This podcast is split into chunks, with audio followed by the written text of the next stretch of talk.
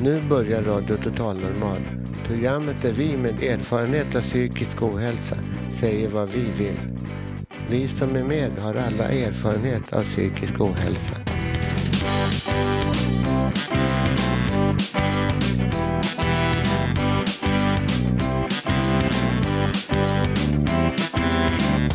Du lyssnar på radio Total Normal. 101,1. Totalt normalt. Radio Total Normal, torsdagar från två till halv fyra. Vi livesänder med publik från Götgatan 38 i Stockholm. Kom hit och lyssna. Här är alla röster lika värda.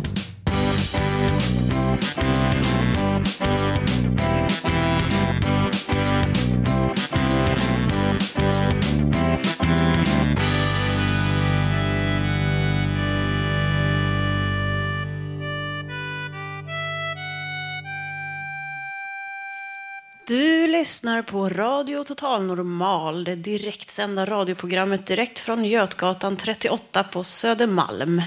Jag heter Idamo och det här är publiken. Idag är det en kall men solig vårvinterdag. Vi går stadigt mot våren. Idag är det internationella kvinnodagen.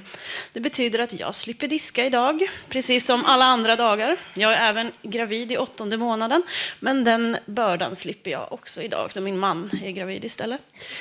Eh, det är feminismens dag idag. Och igår så hörde jag mina killkompisar säga en tjej är som en bil utan ratt. Det tyckte jag lät bra. Man kan åka med, men det går inte att styra. Idag ska vi få höra en intervju med den queerfeministiska psykologen Indra Windu. Vi ska få Håkans matrecept, en av husets kockar här. Och så ska vi få dikter av husets poeter. Vi kommer också att få höra Tommy på gitarr, annan musik och en massa annat.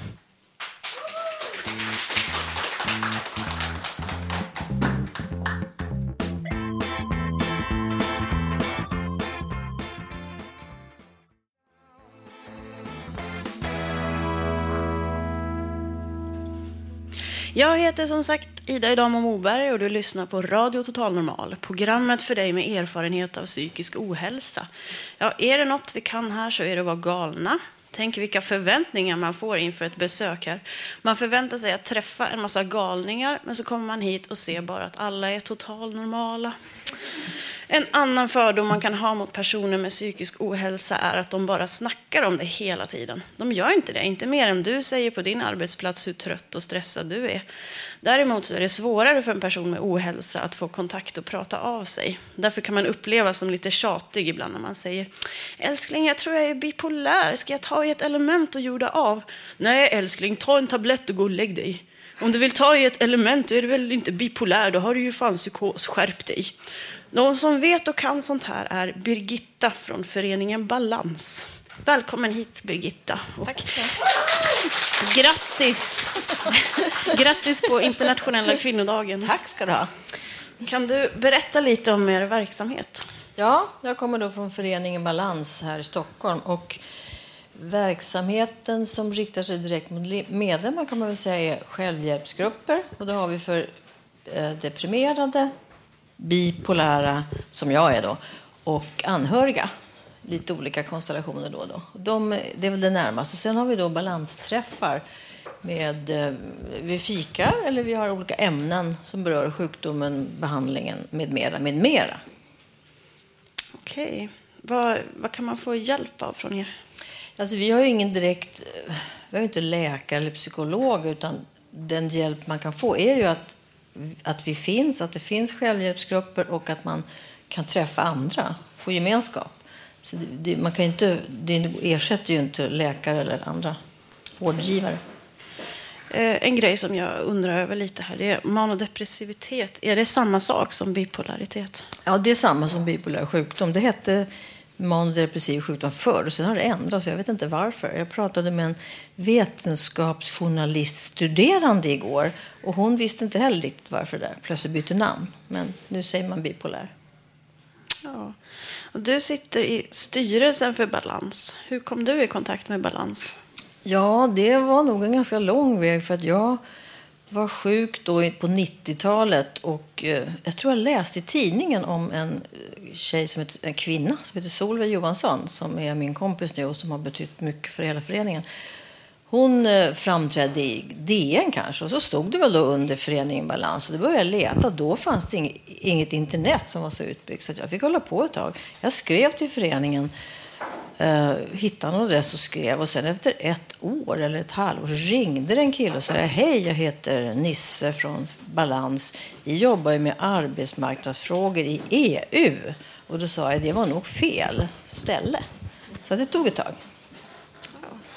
Ja, det är ju roligt att just du är här idag, 8 mars, på internationella kvinnodagen, eftersom du har varit med i grupp 8. Kan du berätta om det? Ja, Grupp 8 gick jag med i ungefär 1974. Då kom jag över någon tidning och läste och kände att det där berörde mig. Det där behövde jag. Så då gick jag med. Jag var ingen sån här ledande typ alls. Jag var liksom i demonstrationer och sånt. Men gemenskapen med andra och att kunna träffa, prata med andra kvinnor, utvecklas som kvinna och känna, känna närhet och eh, ja, identifikation. Liksom. Att man kan vara sån utan att vara alldeles tokig.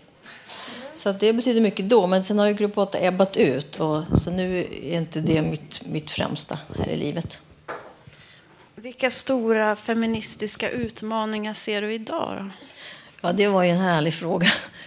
För jag funderar inte så mycket på det nu för tiden. Men jag skulle väl ta grunden då kan man väl säga. Att planeten blir så frisk så att den kan överleva och att vi får fred på jorden.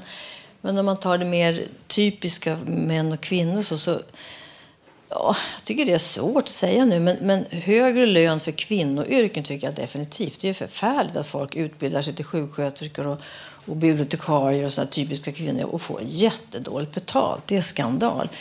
Och sen tycker jag det är viktigt också, ja, du med din lilla mage här då, att eh, pappor och mammor delar på föräldraledigheten hyfsat jämnt. Och det, där får man ändå se att det har gått framåt otroligt mycket på senare år. Nu ser man ju pappa, jag vet utlänningar som hade. Det var ett konstigt land där det går omkring män och drar barnvagnar om dagarna. Det ser inte klokt ut tycker de. Men det tycker jag är bra. Ja, det är ett löjes skimmer över en man med barnvagn har Hjalmar Söderberg sagt. Eh, hur jämställd är psykiatrin? Ja, det var också en svår fråga. Det vet jag faktiskt inte. Jag har aldrig hört någon direkt säga att det är ojämlikt. Men det kan väl hända att kommer man in som en tyst och försynt kvinna och inte kan eh, argumentera för sig eller så, där, så kanske man inte blir lika bra behandlad. Men det gäller ju för sig likadant för en tyst och försynt man som inte kan verbalisera sin, sin jag måste höja micken, sin eh, sjukdom och sina symptom. Så att jag, jag vet faktiskt inte. Men sen tror jag väl också komma på att kvinnor kan väl oftast bli, komma in med, som sjuka och bli behandlade som psykiskt sjuka fast de kanske inte är det. För man tycker det där verkar ju bara, det är bara nerverna, det är bara psykiskt. Hysteri. Ja, kanske. precis. Lite hysteri. Ja. Känner du att du är i balans? Ja, jag känner faktiskt att jag är i balans. Jag har varit mycket i obalans, men sen 90, 96 började jag äta litium.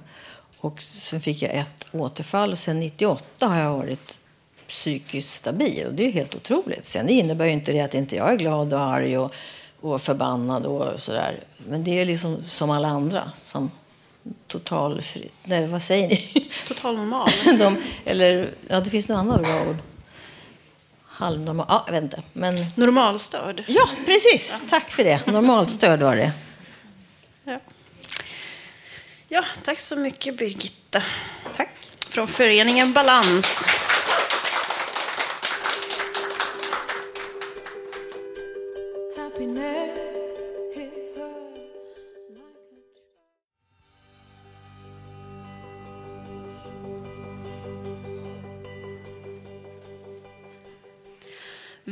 Hörde nyss en intervju med Birgitta från föreningen Balans. Om du känner att du behöver komma i balans eller om du vill veta mer, om du kanske har en diagnos som är manodepressiv eller bipolär, då kan du gå in på foreningenbalans.se. Foreningenbalans.se. Eller så kan du ringa direkt på nummer 08-618 13 33. 08 618 13 33. På fredag så åker Janne, Gustav och Melinda till Barcelona på en europeisk radiokonferens och inför resan fick Janne i uppdrag att undersöka begreppet normalitet. Resultatet kommer att spelas upp på konferensen i helgen, i helgen men först så ska vi få lyssna. Ja, nu går vi, now we go out onto the street of Götgatan. We are passing the our um, port here, or what do you call it? Our, our um, uh, do, uh, main door. Now we're on the street, in the street of Götgatan. Excuse me, may I ask you a question? Uh, you speak English? Yes. We are going to Barcelona on a radio conf- conference with, uh, with radio stations for all of, from Euro- Europe. Okay. Yes, And you what went- is normal? I don't think it is. I mean, it's normal for different kind of people. I think. Different people do things differently. The, the only difference between us is that different people do things differently. yeah, I think so. You know the song Thelma used to, maybe you know. yeah, yeah, Thelma, yeah, yeah, I like that song. Do you li- like it too? yeah, yeah, That's your children here. They are the, those are the chil- your children. yeah, yeah. That's my girls. Hey, okay. Can you say something in English? Hello, can you say? Hello. Hello. Say, Dora. Hello. Hello. Oh, thank you very Thank much. you. Thank you. I'm freezing a bit on my on my legs, but that's it, it's getting warmer then when I come back to the to the house here. Excuse me, excuse me. Do you speak English? Excuse me. Do you speak English? Okay, okay, doesn't matter. Uh, Do you speak English? Uh, yes, I do. Please, may I have your opinion? Um, it's a really tough question because uh, anything can be normal and uh, not normal, uh, depending on the person who uh, who you're talking with. Um, and it's a, just a different uh, way of seeing things, I think. So anything can be normal and not normal. Okay. Thank you very much. Thank you. Have a good day. Bye. Now we are going back to the our clubhouse. The, the first staircase here, and then oh, this oh, was a nice girl, ma- man guy. Tango, may I ask you a question? You're you're helping a member here by cutting his hair. Yeah. What is normal to you, Mr. Tango? We have a question for our radio. Yes. Normal life is to find a meaningful life, something to do that is meaningful. That is normal. I mean, everybody has a right to, to, to be able to realize themselves. And Hasse, what is normal to you? Um, I don't really believe in that um, n- word normal. What is normal is so sub, how do you say in English? Su- sub, s- s- subjektivt på svenska. Subjective, yes. Subjective, yeah. So that's uh, uh, it's so individu- individual. What is normal? Individual. What is normal for me is not uh, perhaps normal for another person. Thank you very much. Jag tänkte sjunga en sång så här.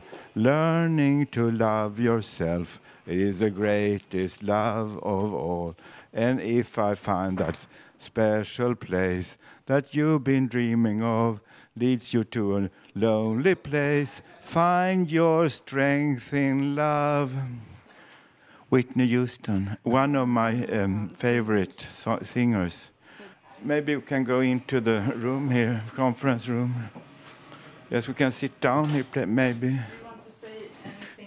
Uh, now we're sitting uh, in. We are going to sit down in our conference room on the third uh, third floor. Same on the third floor. Uh, but uh, yes, uh, I would say normal to me. That is, if I can live a, a normal life, get up in the mornings, uh, go go take coffee, make myself my coffee. I can go up and brush my own teeth, and uh, shower. I can. Uh, clothes take clothes on me and I can go to another place to make something positive and constructive at that place And uh, that's normal to me, I think, to have such a routines, not only to uh, lie in the, my bed to five o'clock in the afternoon or something. That's not normal to me. That's not good for me. What is, what I think is good to me, that is normal to me. I think. Okay. Uh, bye bye from Stockholm, Sweden. Uh, the the Estocolmo, Svezia. Aus Stockholm, Schweden. De Stockholm, la Suède. Merci beaucoup. Gracias. Muchas gracias, señores y señoritas, señoras. Eh, Dankeschön. Aus Stockholm, Schweden. Tack, tack, tack. Tack så mycket, Janne. Nu har vi Tommy här, vår gitarrist. Tackar. Eh, jag ska spela en tango från Sydamerika. Den är väl från Argentina tror jag. Den heter El Choclo. Ja,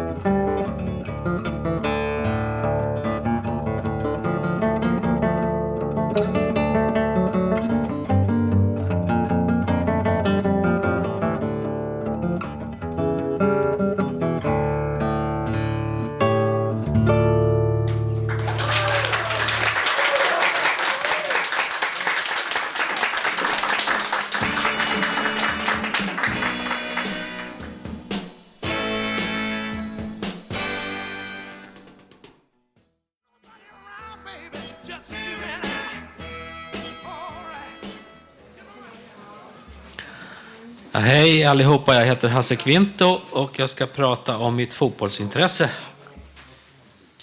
Mitt fotbollsintresse började i sjuårsåldern Jag var i Karlshamn sommaren 1964 och gick på en B-landskamp mellan Sverige och Finland. Sverige vann med 2-0. Samma år tog min pappa med mig på Råsunda fotbollsstadion och matchen AIK-Malmö FF. Det blev 3-1 till MFF och sedan dess var jag såld på fotboll. Jag började spela själv på Vattmyra idrottsplats i Jakobsberg och det gick bra. Så småningom började jag spela i Jakobsbergs Goif, gymnastik och idrottsförening. Vi spelade i Sankt Erikscupen och mötte Ängby IF i första matchen. Jag fick reda på av min lagledare Sigge Blomgren att jag skulle bli utbytt i halvtid. Matchen började. Jag lyckades som vänsterytter gå förbi min back gång på gång och gjorde 1-0. Jag fick fortsätta i andra halvlek och gjorde 2-0. Vi vann med 3-0. Jag var lycklig och sa det till min pappa. Spela fotboll är det roligaste som finns. 1965 vann mitt favoritlag allsvenskan och jag minns än idag hur roligt det var att titta på Sportspegeln den kvällen. Min tre år yngre bror började spela också och deltog i Jakobsbergs Goifs D-pojkar och spelade i D1. De mötte Jakobsbergs Goifs D3 och vann med 25-0. När det stod 23-0 säger en liten kille i D3 som heter Thomas Kock. Nej, nu har vi ingen chans. Jag höll på med fotboll tills jag var 17 år och spelade i Jakobsbergs Goif den mesta tiden, men gick över och spelade några år i IK Bele. Vi spelade juniorfotboll och kom tvåa i juniorserien. Även om jag slutade spela fotboll har jag hela tiden följt med i fotbollen. Jag har följt Malmö FF, svenska landslaget och går ibland på Grimsta IP som ligger ett stenkast ifrån min bostad och ser på Brommapojkarna. Fotboll är en rolig sport. Tack för mig. Tack.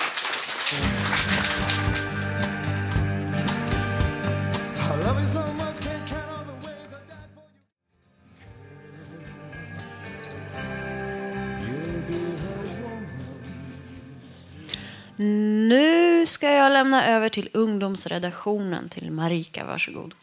Tack. Ja, jag är väldigt intresserad av feminism och queer-teorier. Queer betyder att ifrågasätta rådande normer och på senare tid har jag funderat på hur normer påverkar människors psykiska hälsa. Så i veckan träffade jag Indra Vind och ni ska nu få höra en sammanfattning av det samtalet. Indra Vind är legitimerad psykolog, snart utbildad psykoterapeut samt queer-feminist.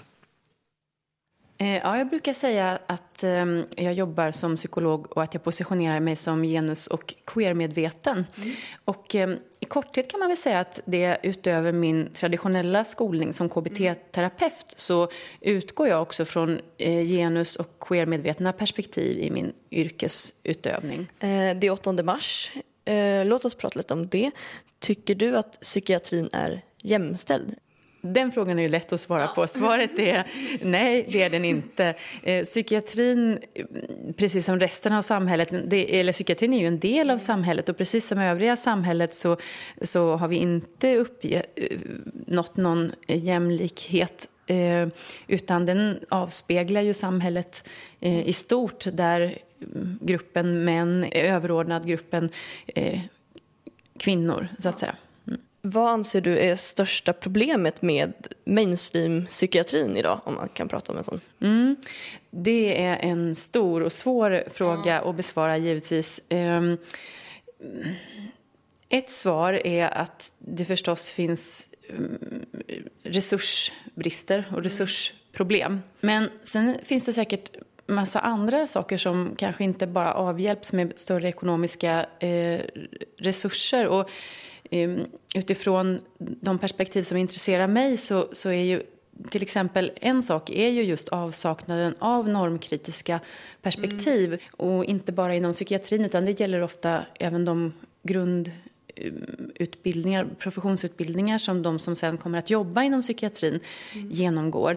Ehm, Att det kan finnas en tendens till ett vi och dom-tänkande snarare än att, eh, att betrakta psykisk hälsa och ohälsa eh, på ett kontinuum som vi rör oss på Mm. fram och tillbaka.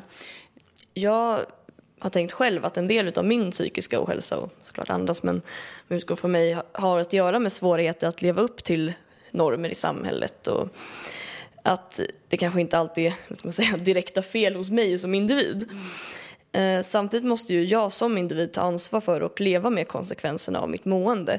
Så hur gör man för att motverka den här bitterheten som man kan känna över att det är så? Mm. Eh, eh en viss eh, bitterhet kan säkert vara befogad om man skulle ge sig på någon form av förändringsförsök där. Och, eh, så så då, då kanske det handlar om att försöka se om det går att mm, ja, eh, att ta det mer då i riktning mot någon ilska eller någonting som, eh, som gör att man kan försöka förändra situationen i större utsträckning. Det kan ju också finnas en rädsla för att vara öppen med sina psykiska problem. Mm. Och hur tänker du att man ska hantera det utifrån det vi pratar om med normkritiskt tänkande? Mm. Egentligen så skulle man kunna vända på hela frågan och, och tänka att, för din fråga är ju ställd som om att det blir ditt ansvar så att säga. Eh, och istället så är det så att vi, vi kanske behöver fundera över när vi själva och, och andra är no, i normföljar respektive normbrytarposition och att när vi är normföljare då behöver vi ifrågasätta våra privilegier och den maktposition som, som kommer med det. Och försöka själva bidra till att skapa eh, möjligheten till, eh, för personer att komma ut som alla möjliga olika saker. Ja, det här med att prata om grupper, men om vi ändå delar in eh, hbtq-personer, så att det är en grupp och människor med psykisk ohälsa i en grupp, så kan man ju se båda de här grupperna som normbrytare, eller hur? Håller Mm. du med? Ja. Eh, hur kommer det sig att det har dröjt så länge innan det har kommit till en diskussion om hur normer påverkar ens psykiska mående och ja, att det ändå har dröjt ganska länge innan grupper som till exempel psykradikalismrörelsen har tagit fart? Och... Det finns flera anledningar till det. Eh, alltså en, ehm, en hypotes eller teori är ju att att om man har bekymmer så kan det ju vara svårt att uppbringa kraft för att eh, uträtta någon form av utåtriktat eh, arbete och, och, och, och till exempel engagera sig i en, mm, ja du nämnde psykradikal eh, rörelse. Men en annan orsak som är minst lika viktig det tror jag är att många eh, behandlare i allt för liten utsträckning uppmuntrar till den här möjligheten, alltså att samhällsengagemangets eller aktivismens som eh, läkande eller helande krafter sådär.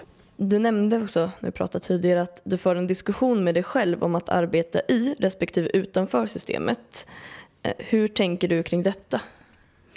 Ja, precis. Där tänker jag att jag behöver tillämpa mina egna teorier på mig själv och ställa mig frågan liksom att var gör jag mest nytta och hur skapas förändring och hur kan jag vara med och, och bidra till den utifrån vad jag tycker är värderade eh, riktningar. Ehm, så att, och jag tänker att det är inte ett antingen eller perspektiv utan jag har försökt välja att, att ehm, jag tänker att man kan göra både och och därigenom göra stor nytta. Men det är klart att man också behöver eh, att det kan vara ideologiskt problematiskt om, man, om ens profession har till uppgift att, eh, alltså att göra en, eller man genom sin profession görs delaktig i en process som syftar till att återanpassa personer till ett samhälle eller ett system som man i grunden inte tror på. Eh, Då behöver man ju verkligen ställa sig frågor kring det och jag, jag tänker att eh, det är inte min uppgift. Utan min uppgift är givetvis att den som, eller de jag arbetar med, det är de som äger problemformulerings eh, privilegiet och har möjlighet att alltså, prata om, tala om för mig vad är, di, vad är, vad är din värderade riktning? Vart, är, vart ska vi gå på väg? Och så ska jag försöka se till att vi rör oss i den riktningen. Jag tycker det är väldigt skönt också att höra eh, att man som då patient eller klient har, eh, vad kallar du för? Privilegiet. Privilegiet. Tack så jättemycket för att du kom hit Indra. Tack. Ja, vi kan ju tillägga där att eh, HBT-personer är alltså homo, bi och transpersoner. I alla tider så har människan försökt styra över varandra. Och då har kvinnan strukit med eftersom kvinnor inte vanligtvis brukar våld. Kvinnor blir gravida och lite hjälplösa då. Och allt mänskligt som inte männen vill kännas vid har börjat förknippas med kvinnan. Ta det juridiska rättssystemet som exempel. Det styrs av män eller kvinnor som är förtryckta av patriarkatet. Men det har en kvinnlig symbol Som att kvinnan är symbol för det mörka okända, det som skapar turbulens och icke-struktur. Det är ju bara att ta allt positivt och kalla det mänskligt, så faller det automatiskt på mannen. Övriga sociala företeelser och naturfenomen kallas så kvinnliga. Därför tycker jag att vi borde ha fler kvinnodagar. Dagar då vi kan tänka på varför det är krig i världen. Kanske är det kvinnans fel att det är krig, som inte säger ifrån ordentligt. Försvaret har vi ju kvar av gammal vana, men nu har NATO köpt upp oss. Snart så ska de testa förarlösa plan över Norrland. Plan som inte vi själva äger eller styr över. USA är på väg att äga oss. Vi måste säga ifrån. Männen i det här landet kanske inte har något problem av att vara ägda av USA, men vi kvinnor är i alla fall trötta på att vara ägda.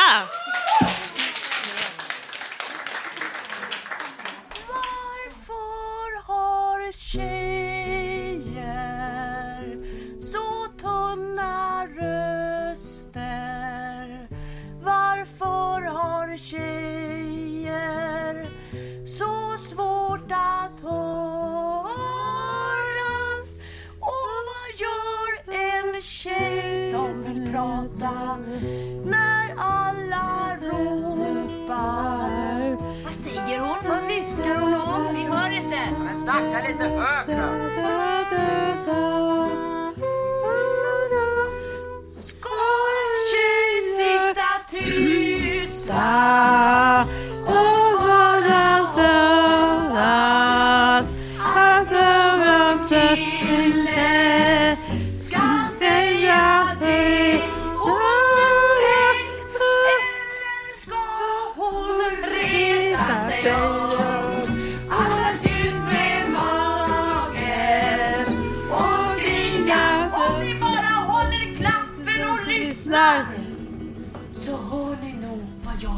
Vill säga.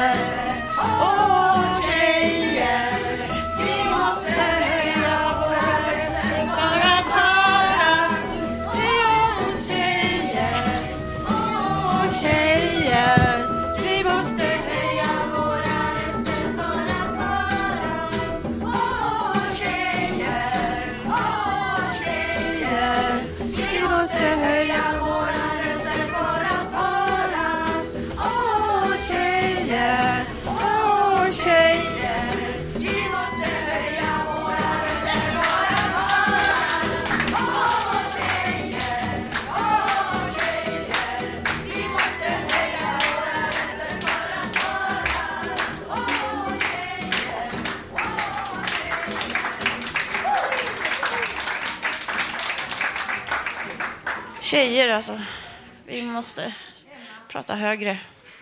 Nu har vi en tjej här. En av husets poeter. Som ska läsa en dikt av en annan tjej. Jaha, nu var rösten alldeles nästan hes. Oj, jag är oträ, otränad.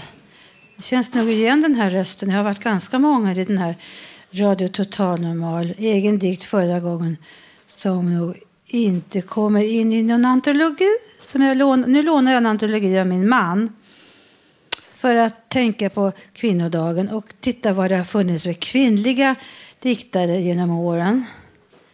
Började, den var tjock och den började från 1600-talet. Den kände jag inte alls igen, den kvinnan. Så fanns det Anna Maria Lenngren och så fanns det, sluta med de, många på slutet här. Kristina Lugn till exempel som lever. Hon är väldigt bra tycker jag också. Men jag valde Edith Södergran. Och så skulle jag försöka, det finns mycket att säga om henne men kortfattat. Hon föddes, Harriet Löwenhjelm står där också som jag är släkt med men henne har jag tagit väldigt mycket av. Och det räcker så. Edith Södergran föddes 4 april 1892 i Sankt Petersburg, Ryssland och var från en medelklassfamilj. Hon gick där i flickskola.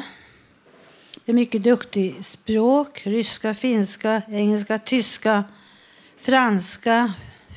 Med lite dålig undervisning i svenska i Ryssland. Hade få vänner som barn. Mamman var ledsen för det, men hon var mycket fäst vid sin mor och som hon bodde med med en katt. De flyttade till Raivola på Karenska näset sen. Pappan dog i tuberkulos 1907. Och hon var väldigt duktig i skolan. I november 1908 kom hon hem till sin mor Helena. Det hörs. Och mådde dåligt och trodde hon blivit sjuk i tuberkulos. För det hade ju hennes far dött av efter vistelse på sanatoriet Numula. Hon hade rätt och fick sin diagnos på nyåret 1909. Endast 17 år. På den tiden var det en allvarlig sjukdom. Det fanns ingen penicillin. Det var 70-80 procents risk att dö. Hon fick ta sig in på Numula. De tog sig in där och blev kraftigt förändrade, lite besynnerlig, ansågs nästan sinnessjuk. Hon friade till en läkare, kände sig instängd. 1916 kom hennes första diktbok. Hon var 24 år. Den mest kända diktbok hette den, tror jag, Dagen svalnar mot kvällen. Väldigt känd. 1918 kom Septemberlyran. 1919 Rosenaltaret. 1920 kom Framtidens skugga. Och postumt kommer Landet som icke är. Hon blev behandlad i Schweiz sen för att få bättre chans. Fick en bättre läkare som blev hennes förtrogna. Mådde bättre, som blev hennes förtrogna. Gjorde en känd behandling, tog bort bakterierna helt genom lustgasbehandling. Pumpade lungorna som man gjorde då. Det fanns ingen penicillin.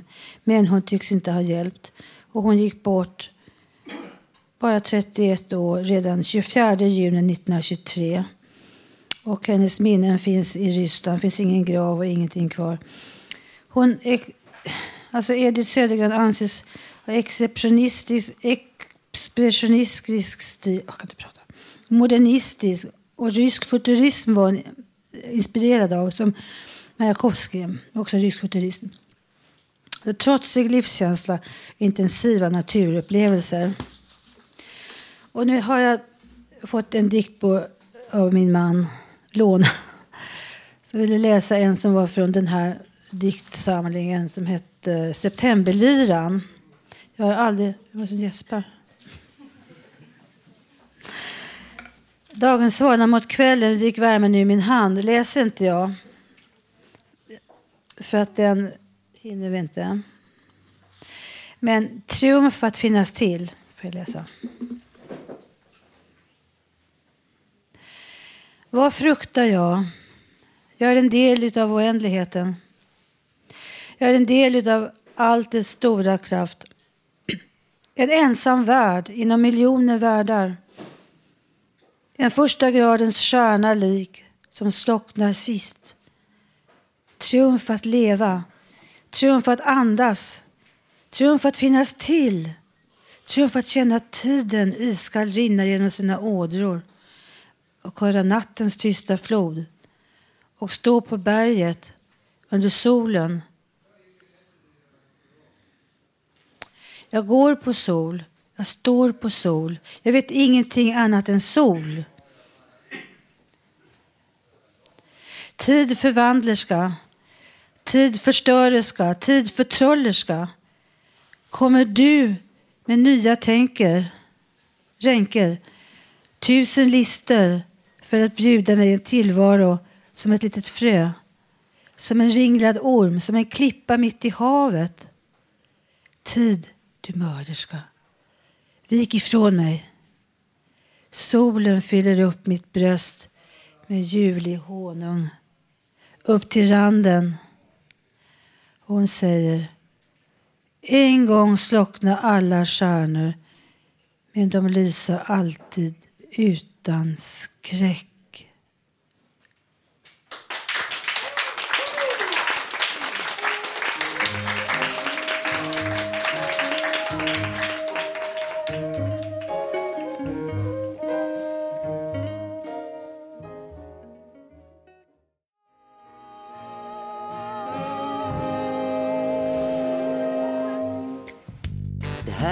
Radio Total Normal, programmet som görs av människor med erfarenhet av psykisk hälsa och ohälsa. Våra röster är också viktiga.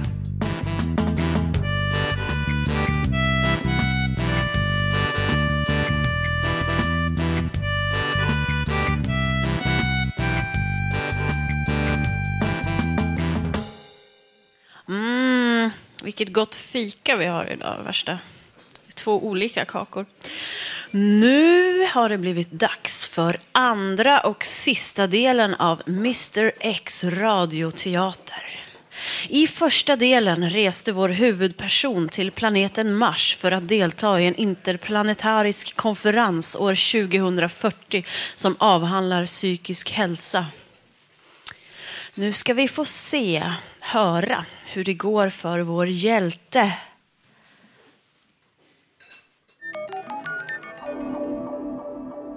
Radioteatern ger den första interplanetariska konferensen 2040. Andra delen. Vår hjälte rakade sig gjorde sig redo inför konferensen. Han tog tunnelbanan till den stora pyramiden där det fanns utmärkta restauranger och ett stort bibliotek. Där han kunde förbereda sig inför konferensen och sändningen till jorden. Han hade lärt känna flera delegater som han skulle arbeta tillsammans med under sändningen av konferensen. De hade haft lång tid att förbereda sig under den halvårslånga rymdresan till Mars. Han arbetat tyst och effektivt och mycket för sig själv som han kommit att göra under sin snart 70-åriga karriär. Han tyckte nästan själv ibland att han fungerade mer och mer som en maskin. Plötsligt ringde hans klocka och högtalare kallade delegaten till den stora pyramiden. Konferensen skulle börja om en halvtimme och alla måste ta plats. Konferensen inleddes med att kvinnan som skulle leda den presenterade sig själv. Och det visade sig att hon hade både teknisk och vårdutbildning. Skärmarna i salen lyses upp med representanter för jordens alla länder. Den första delen av konferensen fokuseras på den tekniska utvecklingen och första frågan gäller energiproblemet. Nu har kärnkraften utvecklats så långt att det finns fusionskraft. Den är mycket ofarligare utan det radioaktiva avfall som de gamla reaktorerna lämnar efter sig. Samtidigt har vindkraft, vätedrift och biobränslen tagit över efter att den oljebaserade energin har upphört. Trafikolyckorna är mycket färre och det hela började med varningsradar och satellitstyrning av bilarna. De tunga arbetena har upphört genom att robotarna har tagit över dessa arbeten. Både av sådana som är människolika och de robotar inom produktionen som liknade dem som fanns vid sekelskiftet. Detta har resulterat i att man fått en mycket kortare arbetstid. En del av lönen är medborgarlön och därigenom finns det mycket mer tid för vården och underhållningsindustrin samt inte minst kulturen. Rymdfarkosterna har utvecklats så långt att planeten Mars och Jupiters månar nu är mycket lätta att nå. Detta har resulterat i att konflikterna i kampen på naturresurser har upphört. Ja, och inom medicinen kan man med lätthet odla fram biologiska organ, till exempel hjärtan. Cancersjukdomar och aids kan idag botas helt. Jag vill därför att vi fortsätter konferensen med att diskutera hä- hälsofrågor. Vad har ni för åsikter om detta ämne? Jag vänder mig till vårddelegaten med erfarenhet från psykiatrin. Har det blivit bättre inom psykvården om vi jämför idag och för 30 år sedan? Det bästa är ju att vi inte behöver knappt någon psykvård idag. Nej, precis. Och om man mot förmodan söker hjälp får man ju alltid vård. Den viktigaste skillnaden om man jämför med hur det var för 30 år sedan är ju att man verkligen får hjälp. Det är inte bara att man blir förvarad och inlåst för att skydda samhället från obekväma människor. För mig har det varit avgörande att man kan få vara med och bestämma nu för tiden. Att det inte bara är läkaren som får säga sitt. Hur är synen idag på psykisk ohälsa i samhället om man jämför med förr? Är samhället som du vill ha det? Det är svårt att påstå att det finns någon speciell syn på psykisk ohälsa idag eftersom alla vet att människor är olika. De flesta mår dåligt någon gång i livet. Det kommer ju alltid finnas människor som avviker lite mer från normen än andra. Men nu för tiden har ju folk insikt i att normer ändrar sig. Och det är ju ingen som bryr sig ifall någon avviker. Folk har vant sig vid att folk uppträder olika. Är samhället som du vill ha det? Ja, absolut. Det är så skönt att alla nu för tiden är uppriktiga och säger vad de tycker och tänker. Inga vita lögner eller socialt spel. Förr i tiden skämdes ju folk så mycket över olika saker och försökte dölja hur de egentligen mådde.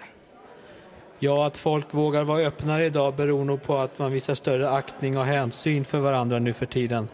Man hjälper varandra så gott det går. Nu behövs det inga ångest eller pridefestivaler. Det finns inte kvar några fördomar att bekämpa.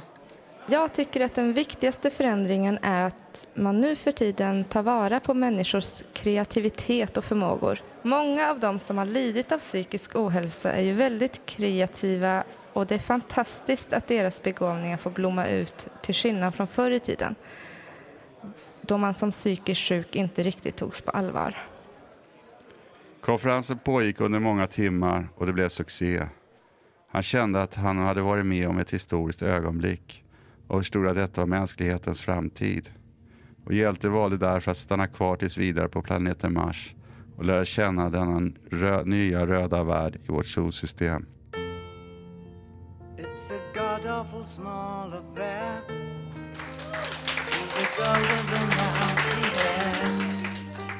But her mommy is yelling no. Daddy has told her to go. But her friend is nowhere to be seen. Now she walks through her sunken dream to the seat with the clearest view. And she's hooked to the silver screen. But the film is a sad thing for, for she's lived it ten times or more. She could spit in the eyes of fools 'Cause say, ask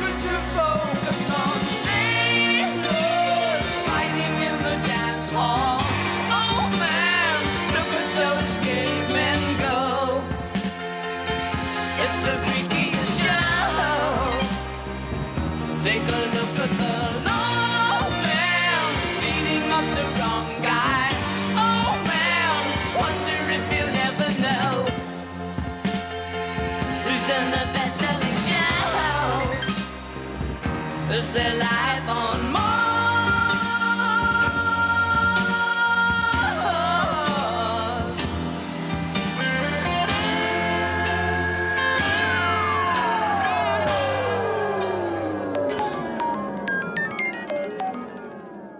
Ni har hört den första interplanetariska konferensen 2040. Text och regi Mr X.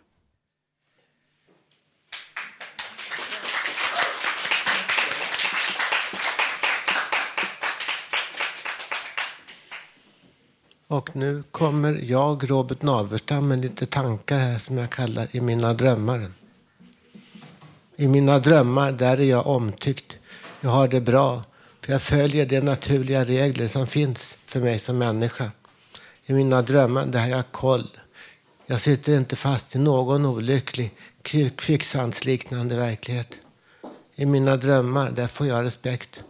Jag förstår att alla har rätt till en framtid och tror att allt kan ha en mening och att allt kan vara bra. Där är min fantasi, gör jag min fader och min moder heder. Och det, för det är några av de viktigaste ledstjärnorna som en människa kan ha. I mina drömmar, där är det bra att vara människa. I mina drömmar, där älskar Gud Fader mig. Jag älskar mig själv och hela skapelsen. Där gör jag heder åt min illa, egen lilla roll på vår planet. Där i mina drömmar är det viktigt för mig att vara människa. På hela världens villkor. Och tron på att det finns något större, något viktigare för mig. Som kan kallas Gud eller godheten. Är en naturlig och viktig del i mitt och andra människors liv. I mina drömmar, där är det bra att vara människa. I mina drömmar, där ljuger jag inte. Det är naturligt att inte döda. Det är viktigt att inte vanära skapelsen. I mina drömmar tar jag inte något för någon annan som är hans eller hennes eller som tillhör någon annan. I mina drömmar är det bra att vara människa. I mina drömmar där älskar jag min fru och min familj och jag gör allt jag kan för dem och för att de ska ha det bra. I mina drömmar så älskar jag bara den som är min fru eller maka och inte någon annan på så sätt. I mina drömmar där är jag stolt. Där är det lätt att vara en riktig människa. I mina drömmar där är människorna vinnare. Jag är en människa och en vinnare. En medborgare på hela världens villkor. I mina drömmar där gör människan heder åt sin egen lilla del i skapelsen. I den fria världens liv, där är det bra att vara människa. Där kan du vara stolt och stå med rak rygg i evigheten. Du ska veta, du är människa och det är bra.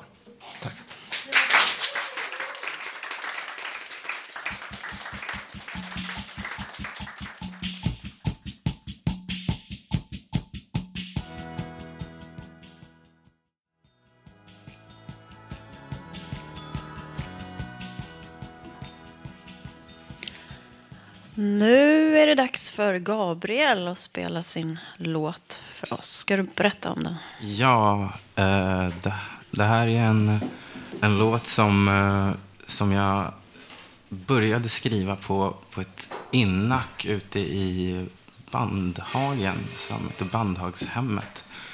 Eh, det hade varit riktig showdown i korridoren och tanten i rummet mitt emot hon hade som förkärlek att alltid släpa hem en back starköl. Så henne såg man inte mycket av, men det var ett jävla liv så jag försökte skapa mitt eget liv. Och det var ju tur, för att annars hade ju inte den här låten kommit. Men nu kommer den.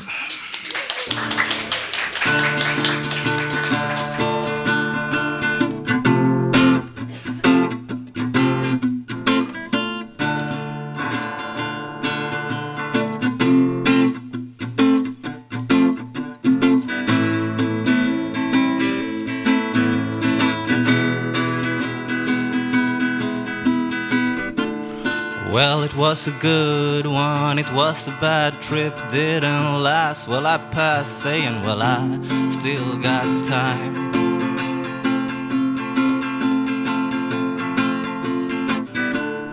Don't know what to do, haven't heard from you and your mother in a very long, long while. Guess that thought leaves some thoughts behind. I say, haven't lost my silence, losing balance. I take it back to my television set with some violence, and I don't know if that's the tone. Haven't realized if that's me or you or a microphone. I say, after a couple of days, I've seen your face, and I say, well, what a disgrace. Haven't know if I'm gonna get stuck in that place.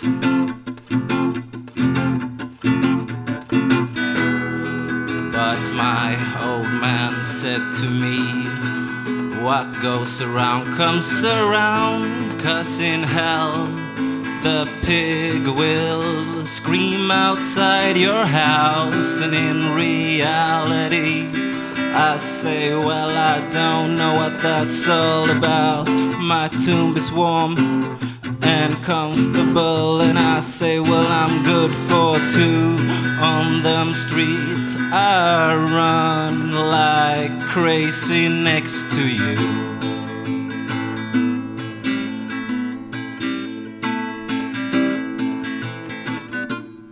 Well, it was a good one, it was a bad trip, didn't last the time I passed, but I say, well, I still got time.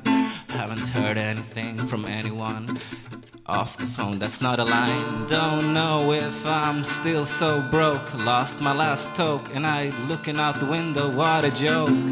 Haven't had my mind for a long, long while. Didn't realize if that was my sign of my child. Don't know if that's what's passing by. Didn't say to myself, well, I still can smile.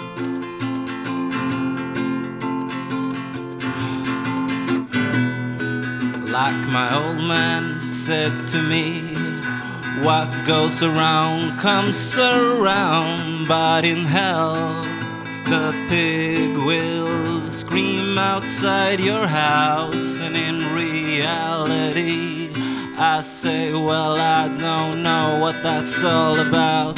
My tomb is warm and comfortable, and I say, Well, I'm good for two. On them streets, I run like crazy next to. But in hell, well, I say the pig might be screaming outside your house, and in reality, I say, Well, I don't know what that's all about. My tomb is warm and comfortable, and I say, Well, I'm good for two.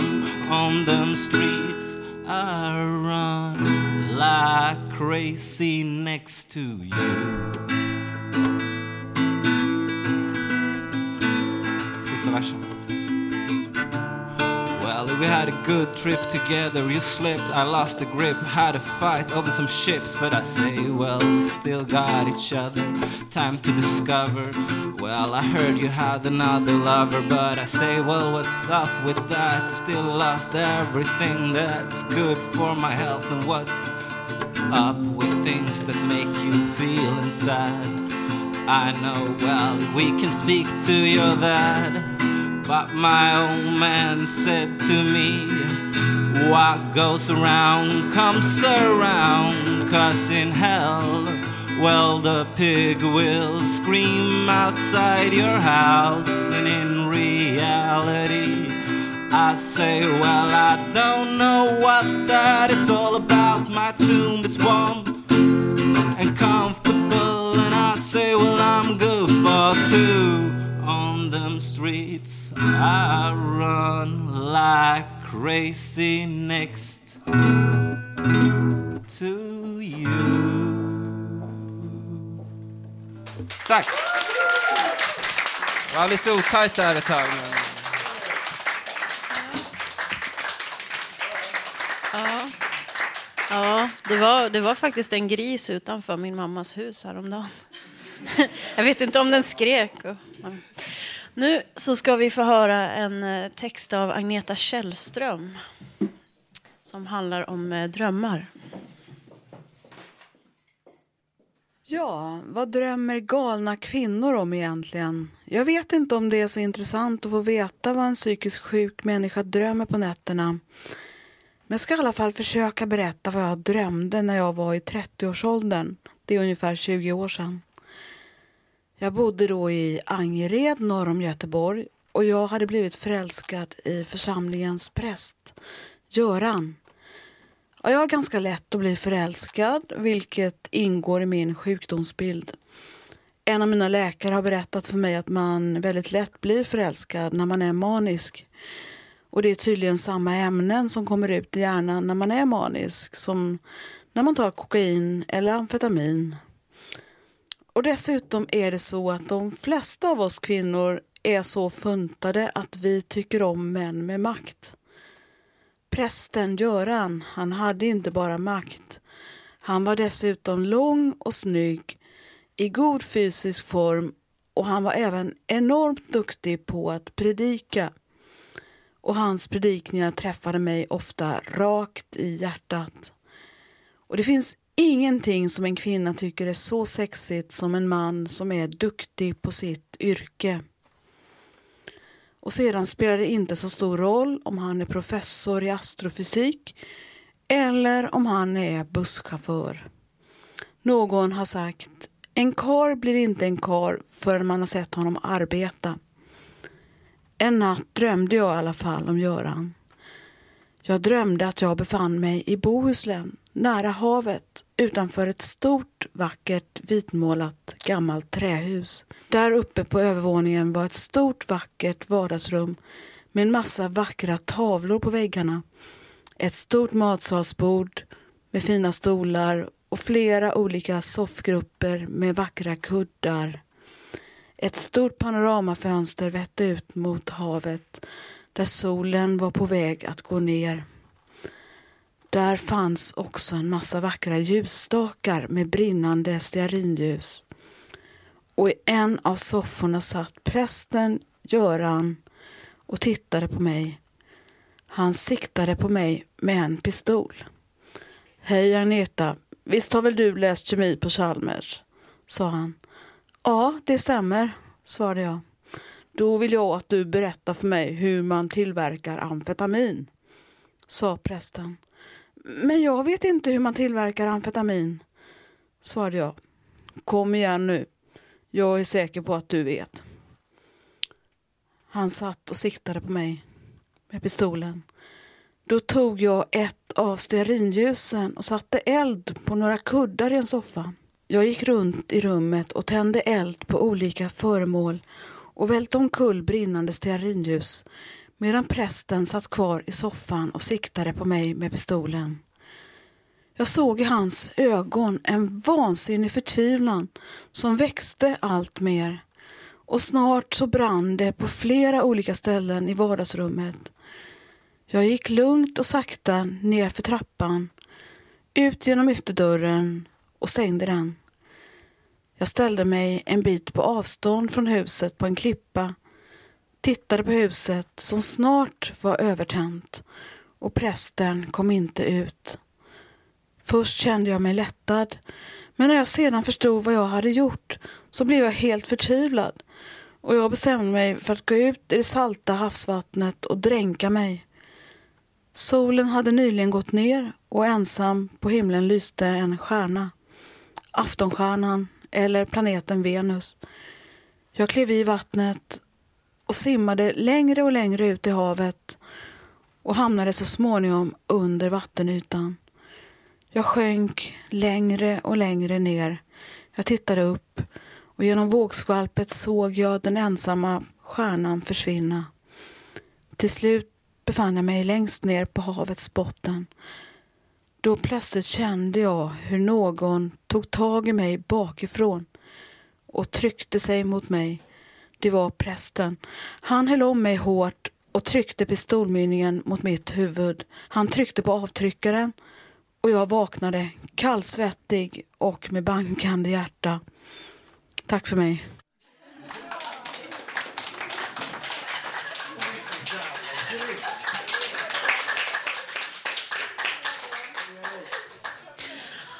Och nu är det Ulf. Idag är måndag 2012. Juni, juli var sommar. Sol sken flera gånger. Bor i Hammarbyhöjden. Jag är 59, förlorade 28 februari. Ett fartyg reste 69 till 70 var på. Båten kom till sjön Atlanten, Panamakanalen. Jag var i Europa på en Sydamerika. I Hamburg, Tyskland.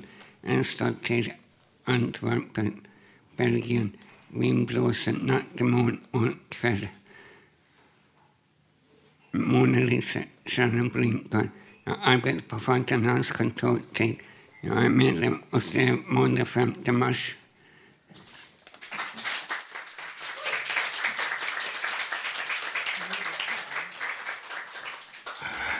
Hey, nu börjar det kurra i min mage. Så jag tänkte Uh, det är lite två stycken matrecept. Det ena, gör en gratäng med potatis och purjolök. Och gör en sås som ni vispar äggulor med en burk kokosmjölk och sätter i ugnen. Och låter det få fin färg. Bryn lite hel fast valfisk, fisk under tiden. Och koka lite mixade grönsaker i buljong till servering. Det var recept 1. Recept 2. Blanda en blandfärs. Forma stora biffar jämnt an. Fördela dem så de blir jämna antal. Koka och skala ägg och lägg ett helt ägg på halva satsen. Samt driven ost i en ring runt ägget och lägg på en ny. Bulta dem runt om och bryn dem så de får en fin färg. Och gör en svampsås med blandad svamp samt ett potatismos. Toppa med en blandning av grovhackad ört och strö på. Spar till måltid. Jag kommer senare program också. Jag kan samtidigt påvisa att den 23 mars så kommer Fountain House där vi sänder vår radio ifrån ha ett gatlopp utanför Götgatan 38. Kom dit klockan 14.00 och var med och spring!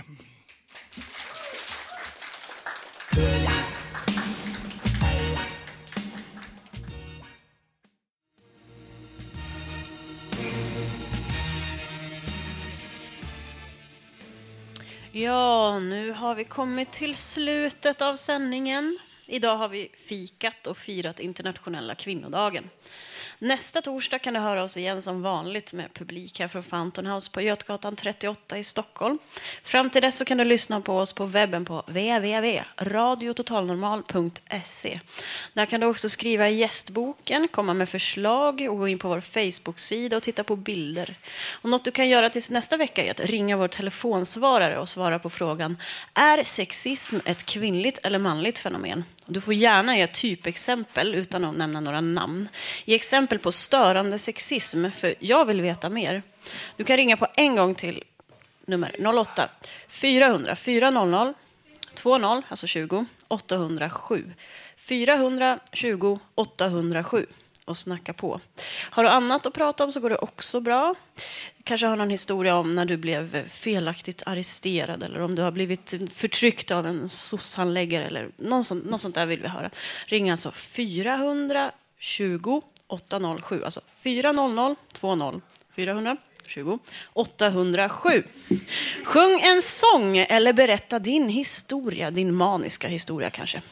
Tekniker idag var Gustav Sondén, producent Emma Lundenmark och projektledare Bodil Lundenmark. De som har valt musik idag heter Micke och Gustav och jag som var dagens programledare heter Idamo. Googla mig, googla mig. Hej då!